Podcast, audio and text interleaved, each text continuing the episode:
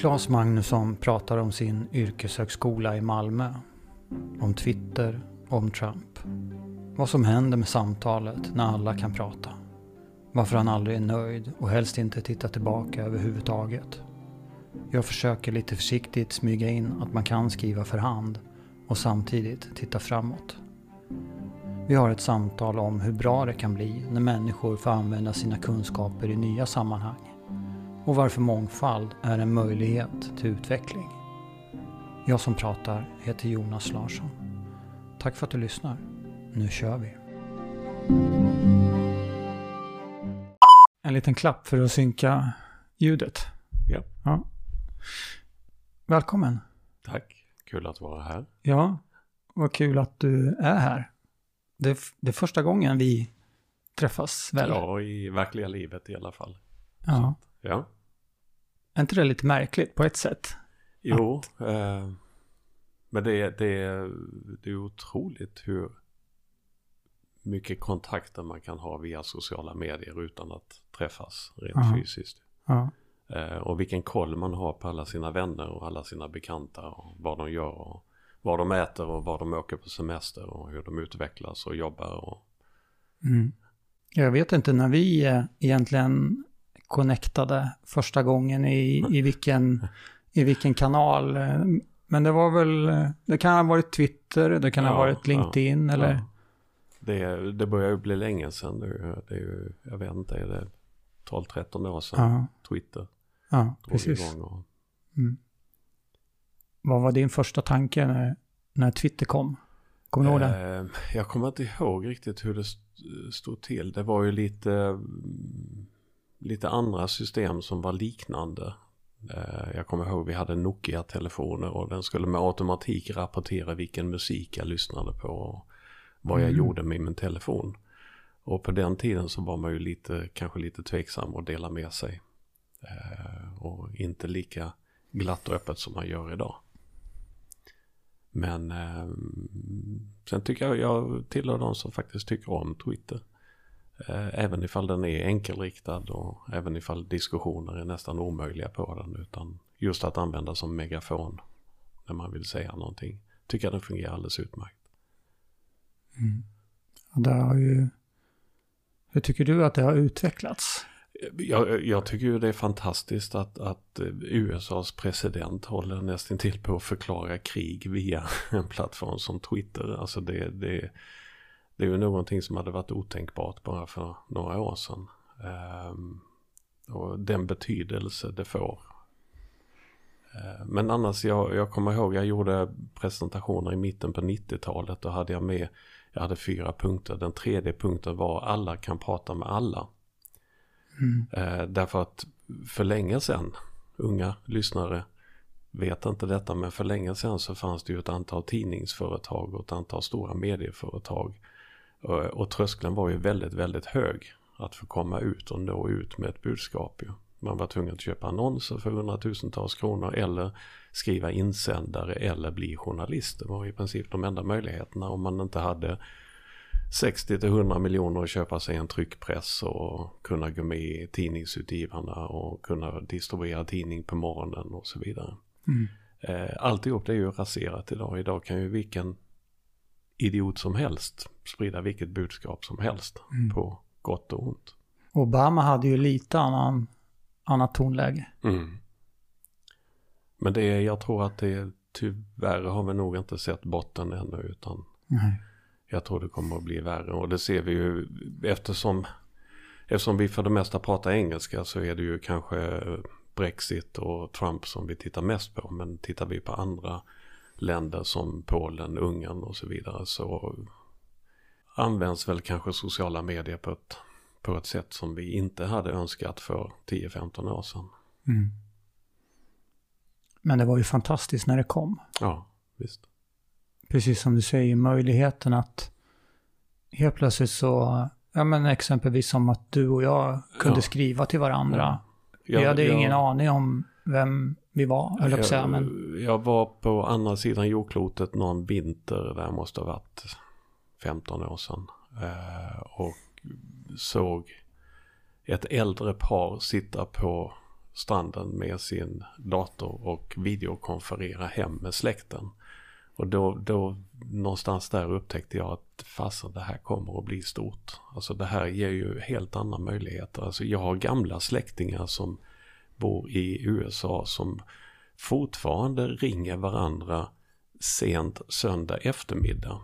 Därför att då är teletaxan billigast. Då är långdistanstelefonin billigast. Alltså man lever fortfarande den världen. Man vet inte att man kan ringa gratis eller att man kan betala bara några ören eh, för vanlig telefoni idag. Utan det är så invant att det var svindyrt att ringa och det var det ju bara för 20 år sedan. Mm. Och då var det ju bara samtal. Då var det ju, folk skickade kassettband till varandra och man eh, när man beställde framkallning av fotografier så tog man två kopior. För det var billigare och så kunde man ge bort den ena kopian och behålla den andra kopian. Eh, och alltihop det är ju idag ersatt. Mm. Där vi kan distribuera precis vad som helst, mm. när och hur som helst till vem som helst. Och det, det leder ju till, eller det har ju lett till att det ställer, eh, det ger möjligheter men det ställer lite andra krav på oss i, i samtalet. Eh, ja, eller rättare sagt jag hade önskat att det hade ställt andra krav ja, på oss. Ja, i och för sig. Men, men ja, jag, jag, kanske, alltså jag kanske är... omformulera mig och säga att det, ja. det följer med ett ansvar ja. som eh, vi alla tolkar lite olika ja. vad, det, vad det är egentligen eller vad, hur det borde ja, det, vara. Det, så kanske man kan säga. Det är ju otroligt, alltså det är ju nästan vilken tråd som helst som man följer idag spårar ju ut. Mm. Eh, förr i tiden, jag jobbade på tidning för länge sedan och eh, minns insändarna som kom in när man skulle ha en anonym avsändare och man var tvungen att berätta sitt namn för tidningsredaktionen. Mm. Men annars så var det då arg pensionär eller någonting sånt som signatur. Och det var ju i princip den enda möjligheten att få utlopp för sin aggression. Ja, möjligtvis kladda på med tuschpenna på en toalett eller sådär. Va? Men annars så fanns det ju ingen annan möjlighet för utlopp. Och idag så är det fritt fram. Det är ju dagligen där man ser folk uttrycka sig. Och det, det, som, det som förvånar mig är att man inte skäms utan man gör det i sitt eget namn. Med bild på sig själv, profilbild på sig själv och länkar till familj och släkt och vänner och till sin arbetsgivare och så vidare. Och så säger man fullständigt horribla saker eller skriver. Um, och det där det är många som vet om att uh, har någonting någon gång kommit ut på internet så går det liksom inte att ta tillbaka och det här kommer ju de här människorna att få äta upp någon gång förr eller senare. Så. Kommer du ihåg hur mycket eh, vi diskuterade just sådana saker i början när, mm. det, när det exploderade mm. eller att när sociala medier började bli stort? Då Precis. pratade vi mycket om just det där, eh, för det fanns ju en rädsla att Ja, vad händer? Kan, vad kan jag posta? Mm. Vad kan jag skriva? Mm. Vad mm. kommer min mm. arbetsgivare tänka och tycka? Exakt. Och så vidare. Och, och, människor som på den tiden fick väldigt mycket stryk för grejer som vi idag inte ens hade reflekterat Nej. över. Mm. Så det, det, är synd, men jag, jag, tror att det, alltså vi, vi kommer att växa till oss någon generation till. Um, så kommer det här att reda ut sig. Va? Men, men jag tror inte vi har sett botten Nej. riktigt ännu tyvärr.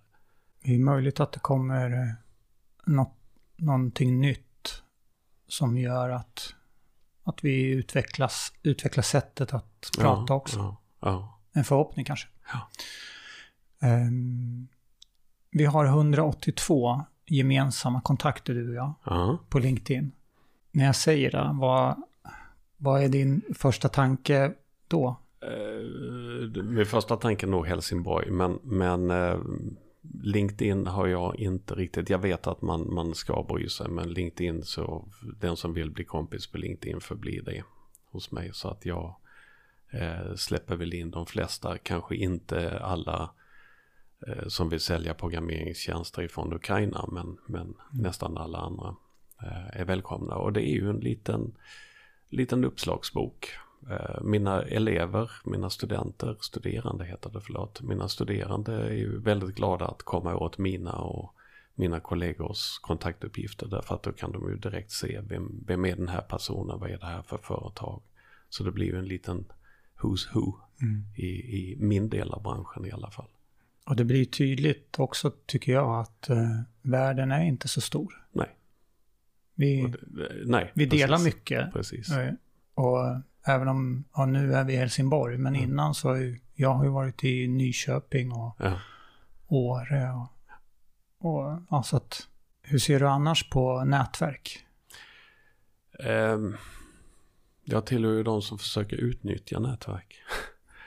Det måste vara ett givande och tagande. Eh, Det går inte bara att stövla in och, kräva att nu ska ni hjälpa mig. Eh, Utan man måste ju ge tillbaka någonting hela tiden. Man måste vårda sitt nätverk. Man måste, ungefär som man förr i tiden vårdade sina vänner, så, så måste man vårda nätverket också. Man måste bjuda på en del kunskap och eh, hjälpa till när det behövs. Eh, Men annars är det en oerhörd styrka Mm. med, med alltså, vi har ett sånt, sånt skämt, vi brukar säga någon, någon ställer en fråga, hur gör man det här och det här? Och så är det någon som gissar någonting och till slut så är det någon som säger, varför leva i ovisshet? Det är ju bara att ta upp mobilen, ställa en fråga, antingen söka ifall någon redan har svarat frågan eller fråga ett antal personer. Har jag någon fråga kring data IT så har jag tio stycken av kanske Sveriges duktigaste människor i mitt kontaktnät. Så att jag kan få ett omedelbart svar exakt Mm. hur det här fungerar. Ja, det är ju en enorm... Mm. Det är lite som det, det som du var inne på tidigare, att det finns en enkelhet och en, Mm. en tillgänglighet till... Precis, tillgänglighet och snabbhet. Mm. Alltså man behöver inte skriva brev, man behöver inte vänta. Alltså man blir ju otålig om man kontaktar en myndighet eller någonting sånt. Man blir ju otålig ifall de inte har svarat inom en timme eller två. Undrar vad det är för fel om man skickat påminnelsebrev eller Mm. sådär. va. Utan man, man är ju van att få nästintill omedelbart svar. Apropå brev. Hade du, eh, hade du någon brevkompis när du var liten? Eh, nej, faktiskt inte. Eh, det borde man nog haft, men eh, nej. Jag har skrivit alldeles för lite brev i mina dagar. Eh, så, och jag är en av dem som kanske snabbast lag av med, med e-mail. Alltså jag tycker e-mail är alldeles för långsamt. Och, eh, eh, så inte ens där konverserar jag speciellt Mm. mycket. Utan hellre då i andra former. Men jag samlade frimärken. om, om det är en markör. så jag var intresserad av andras brevskrivande. Berätta. Men inte, nej. Jo, nej. jo, men får jag ja, höra men det lite? var, var bara alltså just det här. Eh, jag har alltid gillat eh, den typen av markörer därför att man kan lära sig väldigt snabbt lära sig historia Mm. eh, kring det. Va? Så att eh, väldigt mycket av mina historiekunskaper kommer ifrån frimärkssamlandet. Eh, där man började väl någon gång på 1850-talet med frimärken och sen fram till kanske 1950. Och då vet man ju, då lärde man sig vilka kungar och vilka stora händelser i Stockholm som fick frimärken och sånt där. Vem var det som introducerade dig till, till frimärken? Nej, det var Var- någon kompis tror jag på skolan. Men var det helt givet då att, att det var historiekopplingen som... Nej, utan att- den, den kom nog. Alltså man blev ju intresserad av vad det var. Är detta Oscar den andra? Är detta Gustav den femte? Är det Gustav den sjätte? Eller vad det nu kan vara. Men, eh, men det blev inte så mycket med det där. Jag måste höra lite mer om frimärkena. Jag gillade... Du, det är ju på något sätt det gamla, det analogiska, eller analoga och det fysiska. Ehm, Du skrev inte något brev. Nej, Skrev du... dagbok? Nej, absolut inte. Skriver du någonting för hand idag? Nej, det gör jag inte. Jag är bekymrad över hur crappy ens handstil har blivit. Eh, sedan man började med sms och allting annat. Det är ju fullständigt otroligt så dåligt vi skriver tror jag allihopa kan säga Ja. samma. Men eh, nej, utan det är... Jag, vet, jag har nog aldrig varit så där mycket och tittat tillbaka. Jag, vi har en hel del diskussioner på internet. Jag har goda vänner som tjatar om sina vinylskivor och sådana grejer. Det Mm. har aldrig lockat mig. Nej. Jag har sparat ett, ett fåtal reliker som jag har ifrån den tiden. Jag har kvar min, min eh, första freestyle. Eh, Sonnys den men Mm. det är ju för att jag tycker den var en, en milestone i utvecklingen. Alltså. Och jag har kvar en digital klocka ifrån Hewlett Packard som också var en av de första grejerna. Men, men förutom det så, så har jag nog inte hängt mig kvar vid det gamla. Jag försöker undvika det. Därför mm. att det är mycket roligare att titta framåt. Men man kan ju skriva för hand om även framåt. Ja, det kan man men... om, är, om man nu inte ogillar sin handstil. Jag håller precis nu på att göra ett stort uh, utbildningsblock kring röststyrning. Så okay. eh, jag arbetar på att vi ska avskaffa handskrivandet också. Kunna bara tala med våra enheter. Jag, uh, jag började faktiskt skriva i somras. Mm. I ett ICA-block. Mm. Med bara tankar och det var inget viktigt. Det var inte att jag hade en plan, utan jag började mm. skriva lite grann. Mm. Och det, jag har ju varit precis som du, att, att jag inte tycker om min handstil. Mm. Eh, men jag upptäckte ändå att när jag, när jag skrev för hand så tog det lite längre tid. Mm. Det går långsammare. Mm. Och det i sin tur hände någonting med, med tankarna och, och ibland även idéerna mm. eller vad jag skrev om och så vidare. Så att Eh, för jag har varit eh, precis som du under, ja ända sedan började använda dator och mm. mobil, mobilens utveckling så har jag skrivit allt i regel. Mm. Vilket precis har fått till följd det som du säger att en handstil som, som är helt fruktansvärd. Mm. Jag, jag, vet inte ifall, om jag minns rätt, om det var Jan Guillou som berättade tidigt att eh, han skrev på maskin och inte dator. Nu antar jag att han har ändrat sig men, men skälet han sa för att skriva på maskin var att då sitter man inte och fipplar med texten. Alltså skriver man på en dator då skriver man en mening så backar man tillbaks, ångrar, byter ut ett ord, ändrar ordföljden, backar tillbaka, gör ett nytt kapitel, gör, tar bort kapitlet, lägger tillbaka mm. texten och så vidare. Så sitter man och fipplar alldeles för mycket. Skriver man på maskin så pang bom när det är skrivet och man inte, ja man kan väl tippexa ett och annat ord va? men mm. annars så är det liksom satt det man skriver och ska man då göra om någonting då får man göra om hela sidan i princip. Eh, så att det kan väl ligga en viss poäng i att, att skriva för hand och inte på dator. Någonting som vi ser väldigt ofta i utvecklingssammanhang också. Alltså man, man, man sitter och programmerar, man ångrar sig, man backar. Man sitter i Photoshop, man ångrar sig, man backar, man gör om. Eh, och jag hade nog önskat att folk hade skeppat mer som, som Steve Jobs sa, riktiga artister levererar eller real artist ship. Alltså iväg med skiten mm. och sen gör någonting nytt. Istället för att sitta och ångra dig och backa. Och, och, um... Ja, det finns ju en, alltså det paradoxala i det är ju just att det är snabbt och enkelt och eh, det väldigt effektivt. Men, men också baksidan är att det blir någon slags rastlöshet. Ja, och, och... Eh, och att inte bli klar eller att inte tycka att nej men den här meningen jag kan formulera den lite ja, bättre eller jag kan utveckla den här Någonting som vi koden. har sett är ju att, att man, du kan återanvända alldeles för enkelt. Det här är någonting som jag ungefär skrev förra året och då kan jag klippa och klistra in detta. Eh, vi tror nu när vi sökte om utbildningar för min, min skola så förra året så skrev vi om allt från grunden. Vi, jag tror inte det är inte en mening som har följt med från våra gamla ansökningar just för att vi, vi var tvungna. Man kan inte ha någonting som man skrev i, i slutet på 2008 kan man liksom inte lämna in tio år senare utan eh, och det där var ansträngande och det var dyrt och det var jobbigt som fan men, men jag tror att det var välbehövligt att göra det. Mm.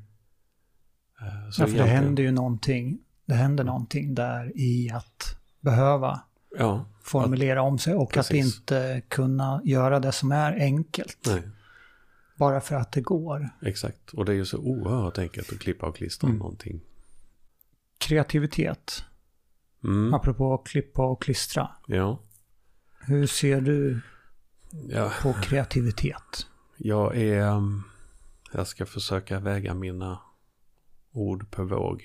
Um, kreativitet är bra och det är någonting som stärker den egna känslan och kanske den närmaste gruppen.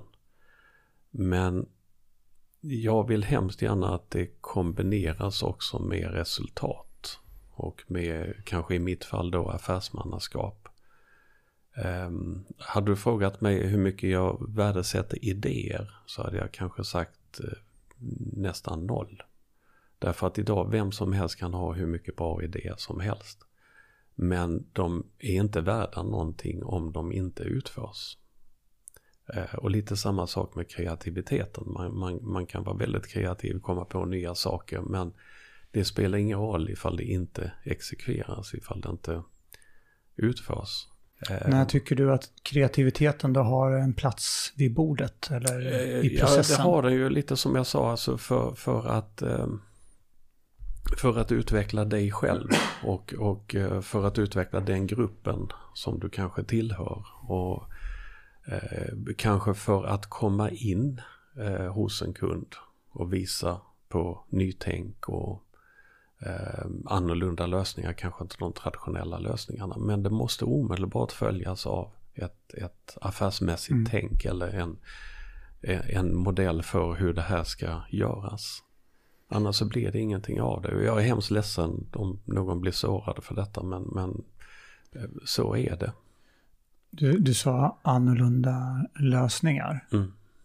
Tänker du, eh, ser du då på kreativitet som en ett slags problemlösning? Eh, jag är ju väldigt Eller mycket kan för att. Ja, eh, jag är väldigt mycket för att man, man ska försöka tänka nya banor och se om man hittar det som alla tjatar om, tänka utanför boxen. Men, mm. men, men att försöka hitta nya lösningar på, på gamla problem. Och väldigt ofta så är det ju helt nya lösningar, kanske helt utanför. Alltså, um, Ja, det finns ju någon, till, till och med ett, ett talesätt som säger att man ska inte ens tänka utifrån en box. Nej, vad ser du skillnaden i, i tankesätt då? Eller angreppssätt? Ja, ibland så är det ju, det, det finns någonting som vi kallar för rookie learning. Alltså ibland kan det vara en fördel att inte ha jobbat i den, med de traditionella lösningarna. Utan att komma utifrån och inte vara förhindrad att, att tänka i helt andra sätt. Alltså om jag om jag sitter på, på, eh, på en tidning och är van vid att jag har deadlines och jag ska skriva artiklar och manuskript och tidningen ska tryckas klockan 11 varje kväll och delas ut klockan 3 varje morgon. Så är det kanske svårare för mig att, att se vilka nya sätt att sprida information, kunskap och reklam och eh, nyheter som dyker upp. Så ibland så kan det vara en förbannelse att man, man kan för mycket om ett område att man är för insatt i ett område. Ja, det känns ju som att det var ganska länge sedan som bäst före datum för det här var vid din läst. att, nej, men att eh, behovet av att eh, lära sig nya saker och gärna är helt eller på mm. inom helt nya områden. Mm, mm. För att även kunna applicera tidigare erfarenheter eh, i ett i en önskan att lösa någon, mm, ett problem. Mm, mm. Eh, det pratas ju att det blir mer och mer vanligt, eh, eller det efterfrågas en cross, jag vet inte vad man säger på svenska, crossfunktionell eh, kompetens. Ja, vi kallar det för multikompetens. Multi, men, precis, ja, men, bra, men, tack. Ja. Multikompetens. Att, och, och, ja, det kan vara intressant att höra, hur, hur ser du på multikompetens? Jo, det är en av de grejerna som vi, vi tror väldigt mycket på därför att i vissa fall så är det ju alltså vi kan ta ett exempel. Vi har en förskolepedagog i Klagshamn som heter Ove. Som är en, en väldigt, väldigt skicklig förskolepedagog. Som var trött på alla dessa datorsystem i skolan. Och gick en av våra utbildningar, startade ett bolag och har byggt ett, ett mer eller mindre komplett managementsystem för förskolan som heter Tyra efter hans dotter. Tyra.io ifall någon vill läsa.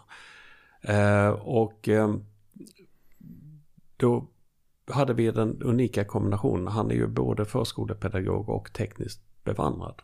Att kunna bygga appar och mobila lösningar. Så att han byggde ett system som, som banne mig är fullständigt fantastiskt. Alltså det är Därför att systemet, dels är det till exempel det är Mobile Only. Det, det finns bara på mobilen. Eh, därför att ingen i hans värld har inte en mobil. Möjligtvis dataavdelningen på kommunen men, men annars så alla har ju mobiler. Han eh, gjorde det extremt användarvänligt. Han vet vilka frågor som kommer upp. Eh, Lille Kalle har kissat på sig, du måste ta med extra byxor imorgon eller blöjpaketet är slut eller vad det nu kan vara. Eh, han gjorde så att föräldrar kan kommunicera med varandra och jag tror att han la in, eftersom han då jobbar i Malmö, så la han in rätt mycket språkstöd. Så att det har blivit en, en fantastisk lösning och jag tror eh, en, en ansenlig del av Sveriges förskolor har valt hans system på grund av detta. Det som är det intressanta är att där finns då även en, en liten backend så att säga på det här systemet. Därför att, kan du beskriva eh, kort vad, vad är backend? Eh, en, en grej som kanske inte föräldrarna ser men som då personalen på förskolan ser. Att mm. de kan använda samma system för att bocka av måluppfyllelse och läroplanens olika moment och så vidare. När man ändå har mobilen med sig när man är ute med ungarna och man ser att lilla Kalle hjälper lilla Stina så kan man dokumentera detta direkt. Och eh, eh, kan då ta upp på möten och se direkt för förskolan vilka barn är klara med den här utvecklingen, vilka barn behöver vi lägga lite extra tid på. Och man, på så sätt så kan man alltså lyfta kvaliteten i förskolan betydligt. Eh, och det här är ju grejer som inte hade varit möjliga om du bara hade haft en ren tekniker till att programmera en app. Utan här krävs eller bara det ju, en förskollärare. Ja, ja, precis. Eller bara en förskollärare. Men här krävs det ju just den här kombinationen. Och det här har vi ju slagits väldigt mycket för. Vi vill ju ha eh, vi vill utbilda folk för det vi kallar för learnification, alltså nya utbildningsmoment i skolan där vi drar nytta av mobilen. Idag är ju digitaliseringen som det kallas för i skolan är ju för det mesta pdf-filer som ungarna får läsa på en Chromebook. Alltså det handlar ju inte speciellt mycket om att tillvarata möjligheterna med det här. Vi måste hitta nya utbildningsformer för att kunna konkurrera med Fortnite och TikTok och liksom allting annat. Eh, där. Vi behöver ha samma multikompetens inom hälsa och sjukvård. Eh, vi behöver ha det inom industriell apputveckling och så vidare. Så att det eh, och det som är det dumma är att vi i Sverige och tror jag många andra länder också begränsas av det som kallas för yrkesnomenklatur. Alltså eh, du sorteras in i olika fack. Eh, är du programmerare då är det den typen av lösningar du ska jobba med. Mm. Är du förskolepedagog ska du jobba med, med de här uppgifterna och aldrig må de två mötas. Och akademin är ju, man gör sina försök med tvärvetenskaplighet men väldigt ofta så har du Tekniska högskolan i ena ändan av stan och, och Handelshögskolan i den andra ändan av stan. Och hela den grafiska industrin gick över och blev till en slags, man blev till en slags medietekniker som kunde jobba brett med, precis som du här, med alltifrån ljudinspelning till kamera till manuskript till redigering. Ehm, och, och den... jag, tänker, jag tänker också Eh, du pratar eh, mycket om teknik, eh, nu mm. när du gav exempel. Mm. Men jag ser att det är, det är lite som med mångfald. Att det finns egentligen ingen bransch eller inget sammanhang som, som, som det inte nej, är en nej, möjlighet nej. att ta tillvara på och lyfta in nya kompetenser och att för att få ett annat ja, angreppssätt, Exakt. ett annat synsätt och få Eh, och då är min, min fundering när, när jag har tänkt på det här är att hur kan vi stimulera att det ska hända utöver exempelvis skol, ja. Utbildningssidan i, hos arbetsgivare som må, många gånger ja. så upplever jag att, och så det kan kanske gäller förändring och utveckling i stort, men att det vi känner till, det är ju tryggt mm. och bra. Mm. Vi vet att vi vill eh, och tror vi i alla fall, eller behöver anställa exempelvis en projektledare. Mm. Och så skriver vi en eh, rekryteringsannons, eller platsannons. Där vi talar om att eh, det är ett skallkrav att du ska ha jobbat med det här projekthanterings eller projektledarprogrammet mm, mm, ja, ja. i minst tre år mm. för att vara överhuvudtaget vara aktuell. Mm. Om jag säger formsvacka, vad tänker du då? Eh, jag är entreprenör, jag har inte råd med formsvackor. Men du är, Nej, människa, jag- du är jag- människa också. Eh, ibland går man på smällar men jag försöker bita ihop och se framåt. Jobba framåt. Mm. Men hur definierar du, eller hur, vad är en formsvacka för dig? Eh, Är det att när det tar stopp eller?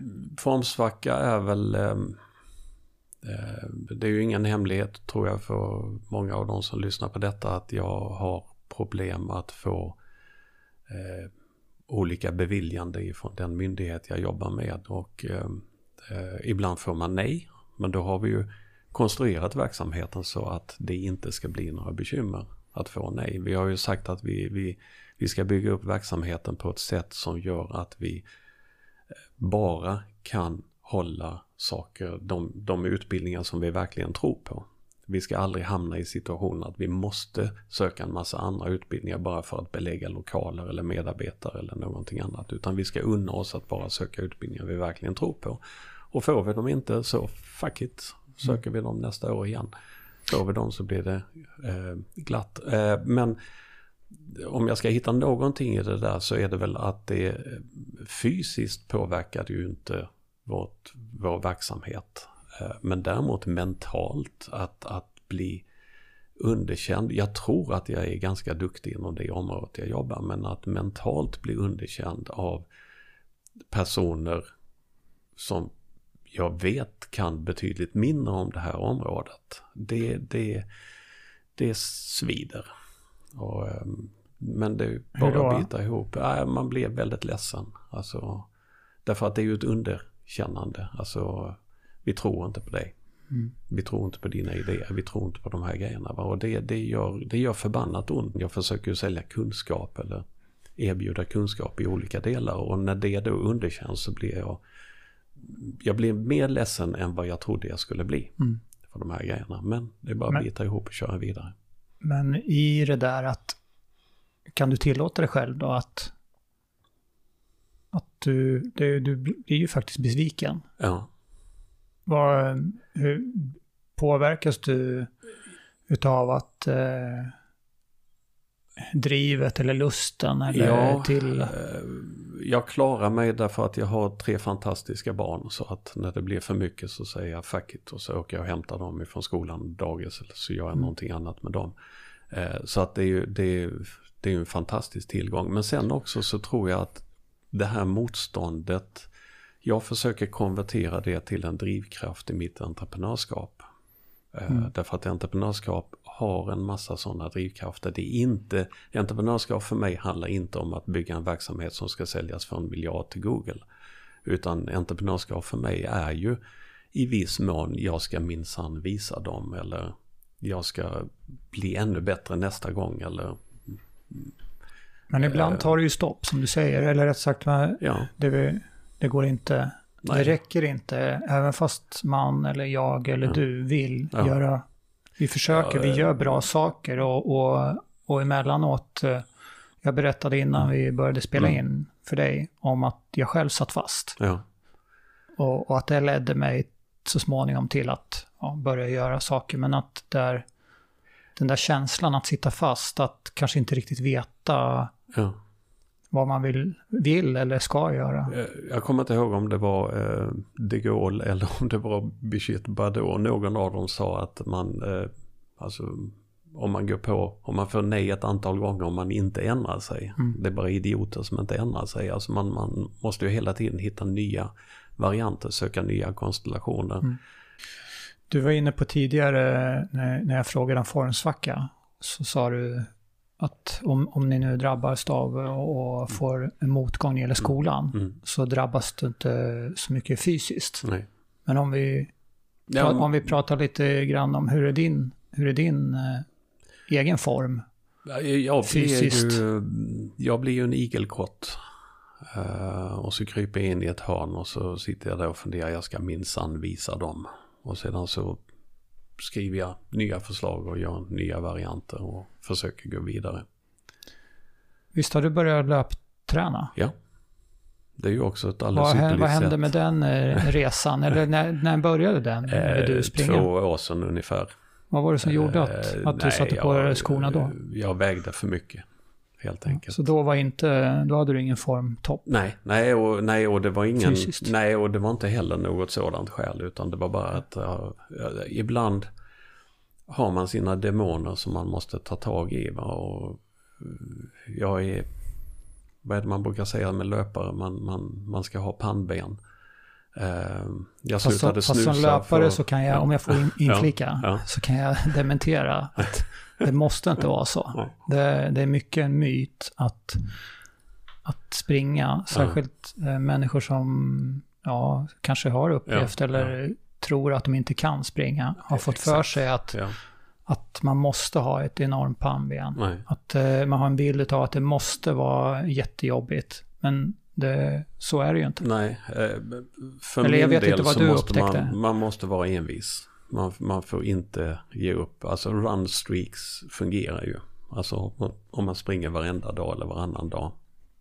Men så fort man tar en paus så är jag tillbaka till soffan igen. Alltså. Men, men jag har gjort några sådana grejer eh, och det har ju varit liksom mer resonemang. Det har inte funnits några, några bakomliggande skäl men jag slutade snusa för 15 år sedan. Jag har snusat hela mitt liv. Och så bara en tisdag eftermiddag så tyckte jag fuck det här är för tradigt. Alltså man går omkring som en jävla knackare och funderar, har jag pengar? Passerar jag en Pressbyrån? Har jag snus? Och när man var utomlands, man, jag vet inte hur mycket jag spenderade i att DHL fick buda snus till, till semesterorten och sånt där. Så att jag bara slutade. Rätt upp och ner. Skönt. Eh, Jag ogillade att flyga. Jag hörde, vad heter hon, Anna som var Anna, med ja, tidigare här, att hon, hon inte gillade att flyga. Jag ogillade att flyga. Jag ska säga att jag flög, men, men eh, jag tog gärna en, en, en shot eller två innan. Eh, och så tänkte jag, men jag kan ju inte fortsätta med detta. Så då bestämde jag mig för och så köpte jag ett antal billiga biljetter och så flög jag tur och retur ett antal gånger tills jag var med flygresan. Eh, och idag så skulle jag lätt flygt mellan Malmö och Helsingborg ifall det hade funnits möjlighet till det. Eh, Men var det, och det är samma sak då med, med att jag hade väl unnat mig lite väl mycket god mat. Så du kände att nu va. fi- Så att fick det nu räcka, jag- eller? Nu, får, nu fick det räcka. vad hände då, då när du började springa? Eh, Både fysiskt och psykiskt? som alla säger, det var ju jätteskönt efteråt. Men eh, lite beroende på var man springer. Jag har lärt mig att man, man måste springa på roliga ställen. eh, jag bor i Klagshamn utanför Malmö och ibland så springer jag upp till Tygelsjö och tillbaka. Vilket är lite mer än en mil. Men helvete vad tråkigt det är. Alltså att springa på eh, slätten, skånska slätten. Där är ingenting. Vad är det som är så inte, tråkigt Ja men det är inte ens lyktstolpar att räkna. och hur mycket man än springer så tycker man man kommer inte längre fram. Alltså det är, eh, då är det mycket roligare att springa typ i skryllen när det är lite upp och ner och lite stigar och, och lite sådana saker. Och man vet kanske inte vad som kommer på andra sidan. Och, eller springa in i städer. Vi har varit ute och åkt, jag och min hustru, så har vi sprungit i många storstäder och sånt där. Det är ju mycket, mycket roligare. Eh, och sen har man ju lärt sig också att ta med sig sin Apple Watch och sina AirPods och lyssna på lite poddar och lite sånt under tiden. Men annars är jag är fortfarande där, jag tycker det är tråkigt men det är nyttigt och det är givande och man mår betydligt bättre efteråt. Det är många som känner att, att det är det, tyvärr. Ja, Men ja. Det, är en, det är en utmaning, kan man verkligen säga, att precis som i mycket annat, Mm. att eh, kunna njuta utav någonting medan det pågår. Absolut. Inte bara när man är klar. Nej. För att, det är lite som eh, att bara njuta när man går hem från jobbet. Ja, Eh, och, och sen är ju, sen är ju kanske man inte har lik, man kan kanske aldrig kommer dit. nej, Just innan löpning och då kanske det är något annat som man kan njuta av. Ja, ja. Nej men sen, jag njuter ju av löpningens effekter. Mm. Jag har slutat snacka exempelvis. Eh, Jag är ju betydligt piggare. Alltså, och, och peppa peppa ta i alla världen och allting sånt ser ju utmärkta ut ju. Så att, Har du bestämda dagar nu som du springer på? Eh, ja, eh, två eller tre dagar Mm. i veckan. Och eh, det ska nog bli lite mer. Jag ska väl försöka vara med i någon tävling kanske under Har du sprungit något lopp? Nej, jag, jag har varit sekunder ifrån men, men eh, eh, jag vill vara säker på att jag klarar det. Jag klarar väl idag kanske att springa två mil. uh, ute i skulden men då är jag rätt groggy. Mm. så Men det jag, där synsättet då, som, Ja. eller att, som du säger att du vill vara säker på att du klarar av det. ja. Applicerar du det i, i jobbsammanhang också? Eh, Ja, ehm, jag är förvånansvärt riskobenägen. Alltså jag, eh, och det är ju en del i det affärsmannatänket vi säger. Alltså det, jag vet inte hur jag ska förklara det. Alltså, det blir inte bättre bara för att det är en större risk involverad. Man ser det väldigt enkelt om, har du spelat poker någon gång? Mm. Alltså riktig poker. Alltså då, då ser du direkt idioterna som tror att deras kort blir bättre bara för att de gör modiga eh, insatser. Eh, och slänger in en massa pengar på varandra. Va? Stillström har, jag ska bara säga, Stillström Ja. har en annan regel som jag tycker är fullständigt fantastisk i de här Vad sammanhangen. heter Stillström i förnamn? Eh, Bengt, Bengt, Bengt. Stillström. Eh, han säger, gör mer av det du tjänar pengar på och gör mindre av det du inte tjänar pengar på. Mm. Och den där, alltså i all sin Men enkelhet. här måste jag få inflika då. jag, Här jag, jag- jag ska bara säga att det här funkar ju även med andra. Gör mer av det som får dig till att må bra och gör Mm. mindre av det som får dig till att må mindre bra.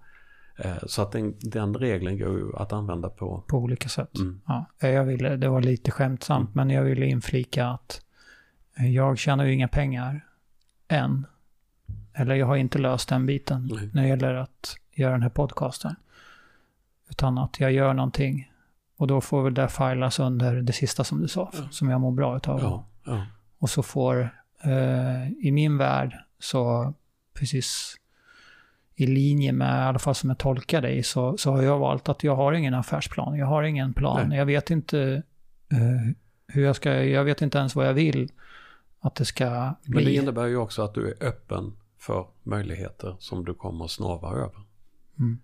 Eh, och då gäller det bara att du ska ta tillvara på dem. Det Mm. hade varit betydligt värre om du hade suttit där med en 400-sidig affärsplan om hur du ska bygga upp ditt eh, podd, din poddkoncern. Mm. Och sedan så upptäckte att det här kommer inte att hålla. Eh, jag eh, återkommer lite grann till din LinkedIn Mm. och kopplingen till utveckling. Du har skrivit, eh, och nu tar jag det eftersom du har skrivit på engelska, eh, specialities, eh, integrity, respect for true knowledge, never pleased. Ja, Om vi börjar med integritet, ja. kan du se, kan du se en koppling mellan integritet och eh, utveckling? Eh, ja, ehm, det är lite som jag sa innan. Vi har försökt positionera vår verksamhet så att vi ska bara kunna göra det vi tycker är bra. Ehm, det, det öppnar sig väldigt många nya möjligheter. Ehm, den myndighet jag sorterar under kan förföra sig att nu behöver vi fler kantorer eller skogsmaskinsförare eller trafikskolelärare eller någonting annat. Och då eh, ska vi inte springa på de spåren utan vi ska, vi ska hålla fast vid det som vi tycker och vi ska hålla fast vid de verktyg vi tycker och som vi tror kommer att användas i framtiden. Ehm, och Hur drar ni, jag bara fråga, Ja. skicka in en annan fråga, hur drar ni era slutsatser? Vad, vad ni ska satsa det, på? det är ett, det är mitt hårda arbete att göra och det här är också bara en liten utveckling. Det här är också ett, ett bekymmer vi har rent generellt i Sverige. Ehm, den utbildningsform vi jobbar med ska arrangera utbildningar där det finns ett behov ifrån arbetslivet, står det i paragraf 1 i lagen om yrkeshögskolan. Och då brukar vi fråga när. Därför att när myndigheten tolkar detta eh, behovet, vad finns det för behov i arbetslivet, så ringer de SCB och så ringer de Arbetsförmedlingen och så ringer de lite branschorganisationer och så får de svar på vad som statistiskt sett var det fanns ett behov 5-8 år bakåt i tiden. Vi tittar istället på om vi söker en utbildning i år 2020 så får vi kanske godkänt inshallah 2021 och den kanske kan börja 2022 och studenterna går ut 2023 eller 2024 och ska jobba skarpt. Och då säger vi att då är det ju arbetslivets behov 2024 som är det relevanta. Och tar vi då 2024 kontra 2010 eller 2010 så är det ju en hel, alltså det är ju, det är ju en eon däremellan när det gäller till exempel det området jag jobbar med, med ny teknik och mobila lösningar och så vidare. Och då får vi nej på våra förslag därför att det här begriper inte myndigheten. Och jag har viss förståelse för detta. Alltså man, är, man är statstjänstemän som sitter i Västerås och, och de kan inte kunna alla yrken Inget ont om västeråsare. Det som, nej, precis. Och det som, det som är ett bekymmer också är att man, man litar väldigt mycket på på branschorganisationer. Man, men branschorganisationer vilken, är ju också vilken branschorganisation? Till exempel då IT och telekomföretagen som då är Almega eh, som organiserar då väldigt många data IT-företag.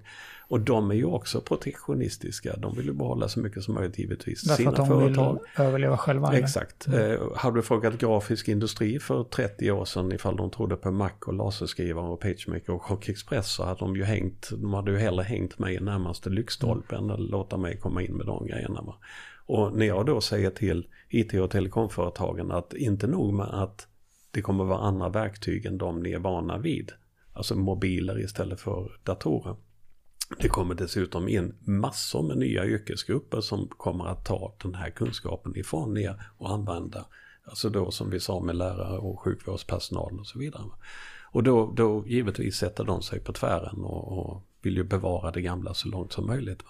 Och det här, är, det här är ett bekymmer och här har vi då sagt att nej, vi ska inte jamsa med. Vi ska inte hålla gamla utbildningar bara för att få beviljande. Vi ska fortsätta, vi ska säga de sakerna vi tror är rätt så kommer tiden att utvisa ifall vi hade rätt eller inte. Och peppa peppa ta ett tre.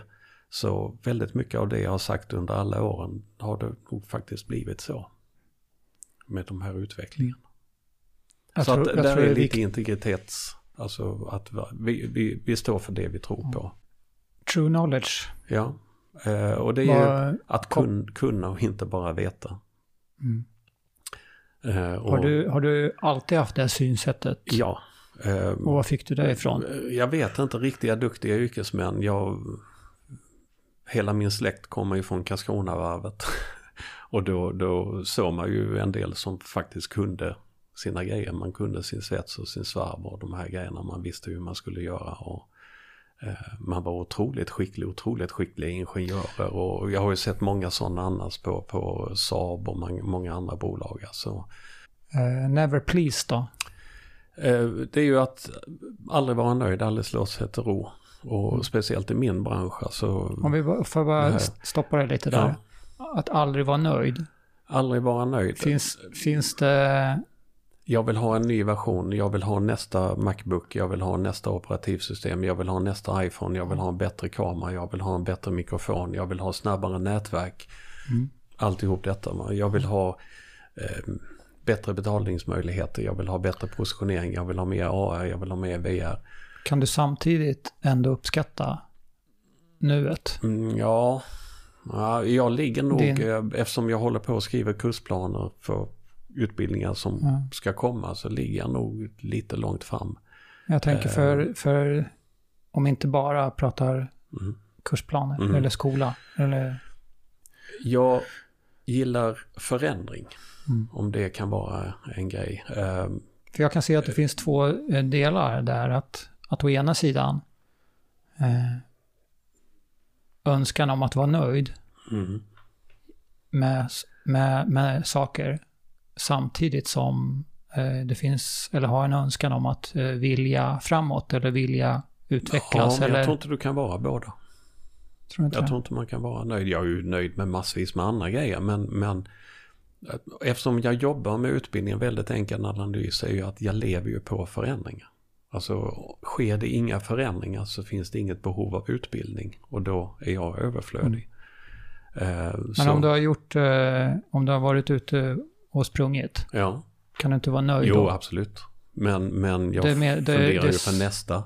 Ja, det, det är helt okej. Okay. Jag menar, jag menar jag inte att det på... ena förtar det andra egentligen. Nej, nej, nej. nej, nej. Att, eh, men, men däremot så Eller jag ser i alla fall att det är en, en utmaning där. Eller att det är en balans i att, att kunna uppskatta. Jag tror man kan, man kan titta yrkesmässigt på oss som håller på med detta. Så, så ibland så ger folk upp och är nöjda och sitter kvar. Och, eh, en del av oss gör det inte utan vill vidare. Mm. Ny teknik, alltså och det är ju där jag kanske hade haft betydligt högre lönsamhet i min verksamhet om jag hade hållit truten och börjat hålla gamla utbildningar och varit nöjd med de möjligheterna.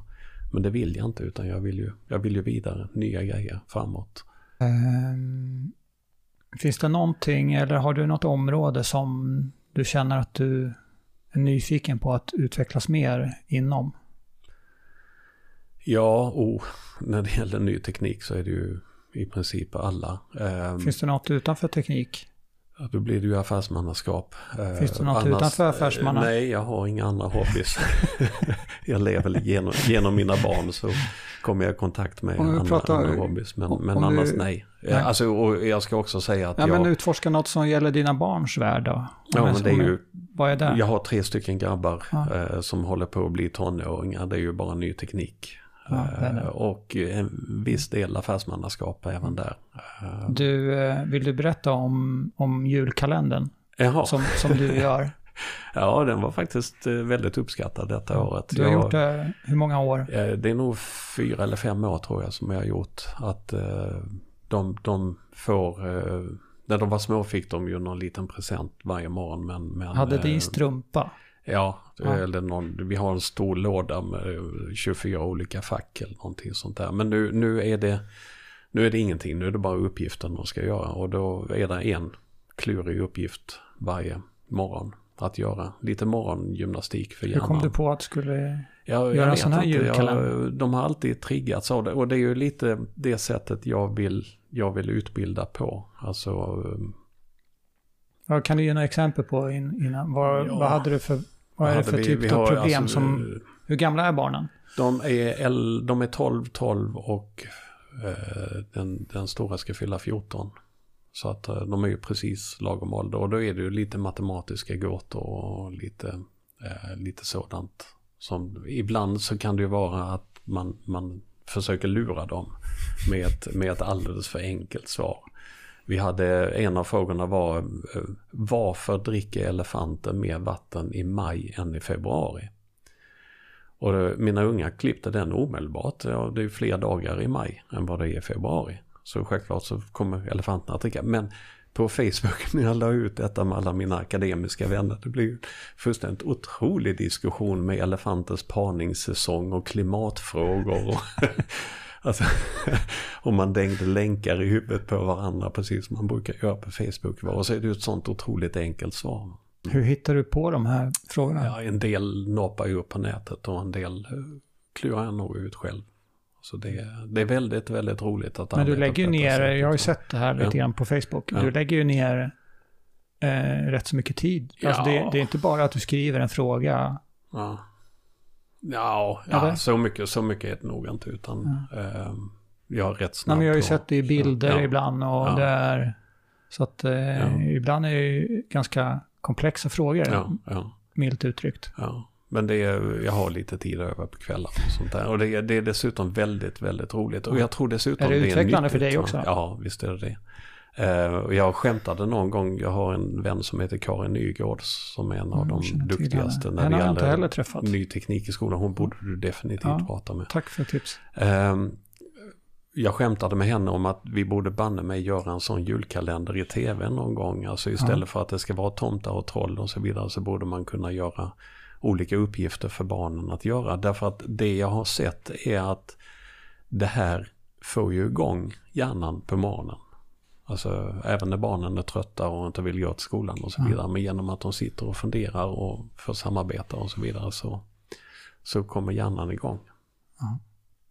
Och det, vi har ju många andra sådana här liknande grejer. Vi har ju, jag kan avslöja lite i det här antagningsprovet vi, vi har till skolan ibland så har vi ju frågor som, som klart och tydligt skiljer ut vem man är. Eh, en av de frågorna vi hade tidigare var hur tämjer du en häst i Minecraft? Och, och hälften av de som, det här provet får man alltså göra hemma och man får googla och man får göra precis vad man vill. Va? Och hälften löste ju det här väldigt enkelt därför att man hittade en 13-åring och fråga. Och hälften fick ju panik därför att man hade ingen aning om hur man löste en sån här fråga. Hur tämjer du en häst i Minecraft? Man försökte googla, man försökte läsa manualer, man försökte hitta akademiska utredningar om Minecraft, man försökte eh, analysera fram vad det gick ju inte utan svaret är ju självklart fråga någon som kan. Mm. Ja men jag känner ingen som kan. Jo, vem kan? Ja, varenda 11-åring. Ja visst, fråga en 11-åring då. Eh, så att det, det, är väldigt talande, alltså den typen av frågor. Om man klarar det eller inte. Jag har en annan, en annan god vän som jag har lärt mig väldigt mycket av heter Claes Melander och han har skrivit väldigt mycket om vuxenpedagogik och han har två stycken matteövningar som är svinenkla. Alltså om du, om du bara sitter ner och tittar på dem så kommer du på svaret på, på 10 sekunder, 15 sekunder. Jag vågar påstå vem som helst kommer på svaret på 15 sekunder. Men i och med att det är matte, det är vinklar, det är x, y, z så låser sig de flesta som ser detta och ju äldre du är ju mer låser du dig. Och säger åh matte, åh jag kan inte. Och då är ju den lärdomen vi kan dra av det är att du väldigt ofta blir sannspådd. Alltså om du sitter med en sån övning och säger joho, det här kommer jag lösa. Så kommer du att lösa den. Säger du, det här kan jag inte, jag är dum i huvudet, jag klarar inte matten, jag hatar matte.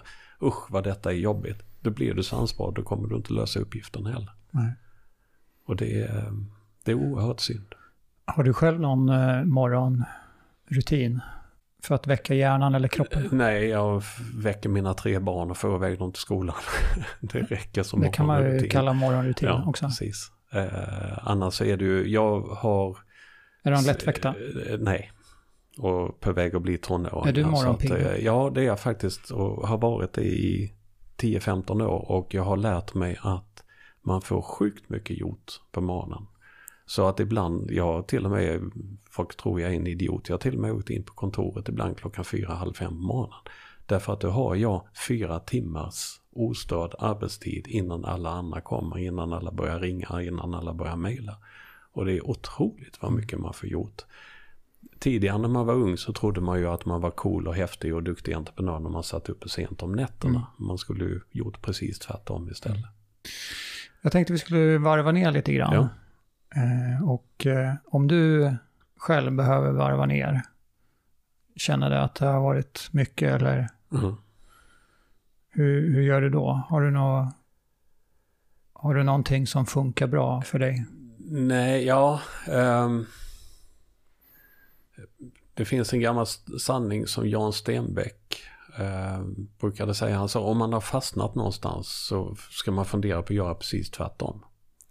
Så om jag, om jag fastnar i någonting så funderar jag på vad jag kan göra som är precis tvärtom istället. Och då väldigt ofta då kan det bli, jag kan titta på korkade filmer på tv. Jag kan, alltså, eh, och där har jag väl då en fördel av att jag har de här tre grabbarna så att jag har väl sett varenda tecknad film som finns på detta jordklot ungefär. Va? Eh, och lär mig mycket av det. Och jag läser böcker tillsammans med, med barnen. Och det är ju böcker som jag aldrig skulle ha läst. Va? Och om jag ska slappna av, det, det finns en, en grej som jag har gjort som har varit väldigt, väldigt lyckad. Om jag åker utomlands, så, eller förr när jag åkte utomlands, nu var jag i Jämtsjö med barnen, men förr när jag åkte utomlands så gick jag till en, min bokhandel i Lund, en pocketbokhandel. Och så sa jag till honom att eh, jag vill köpa tio böcker, men du får inte berätta vilka. Och du ska slå in dem en och en.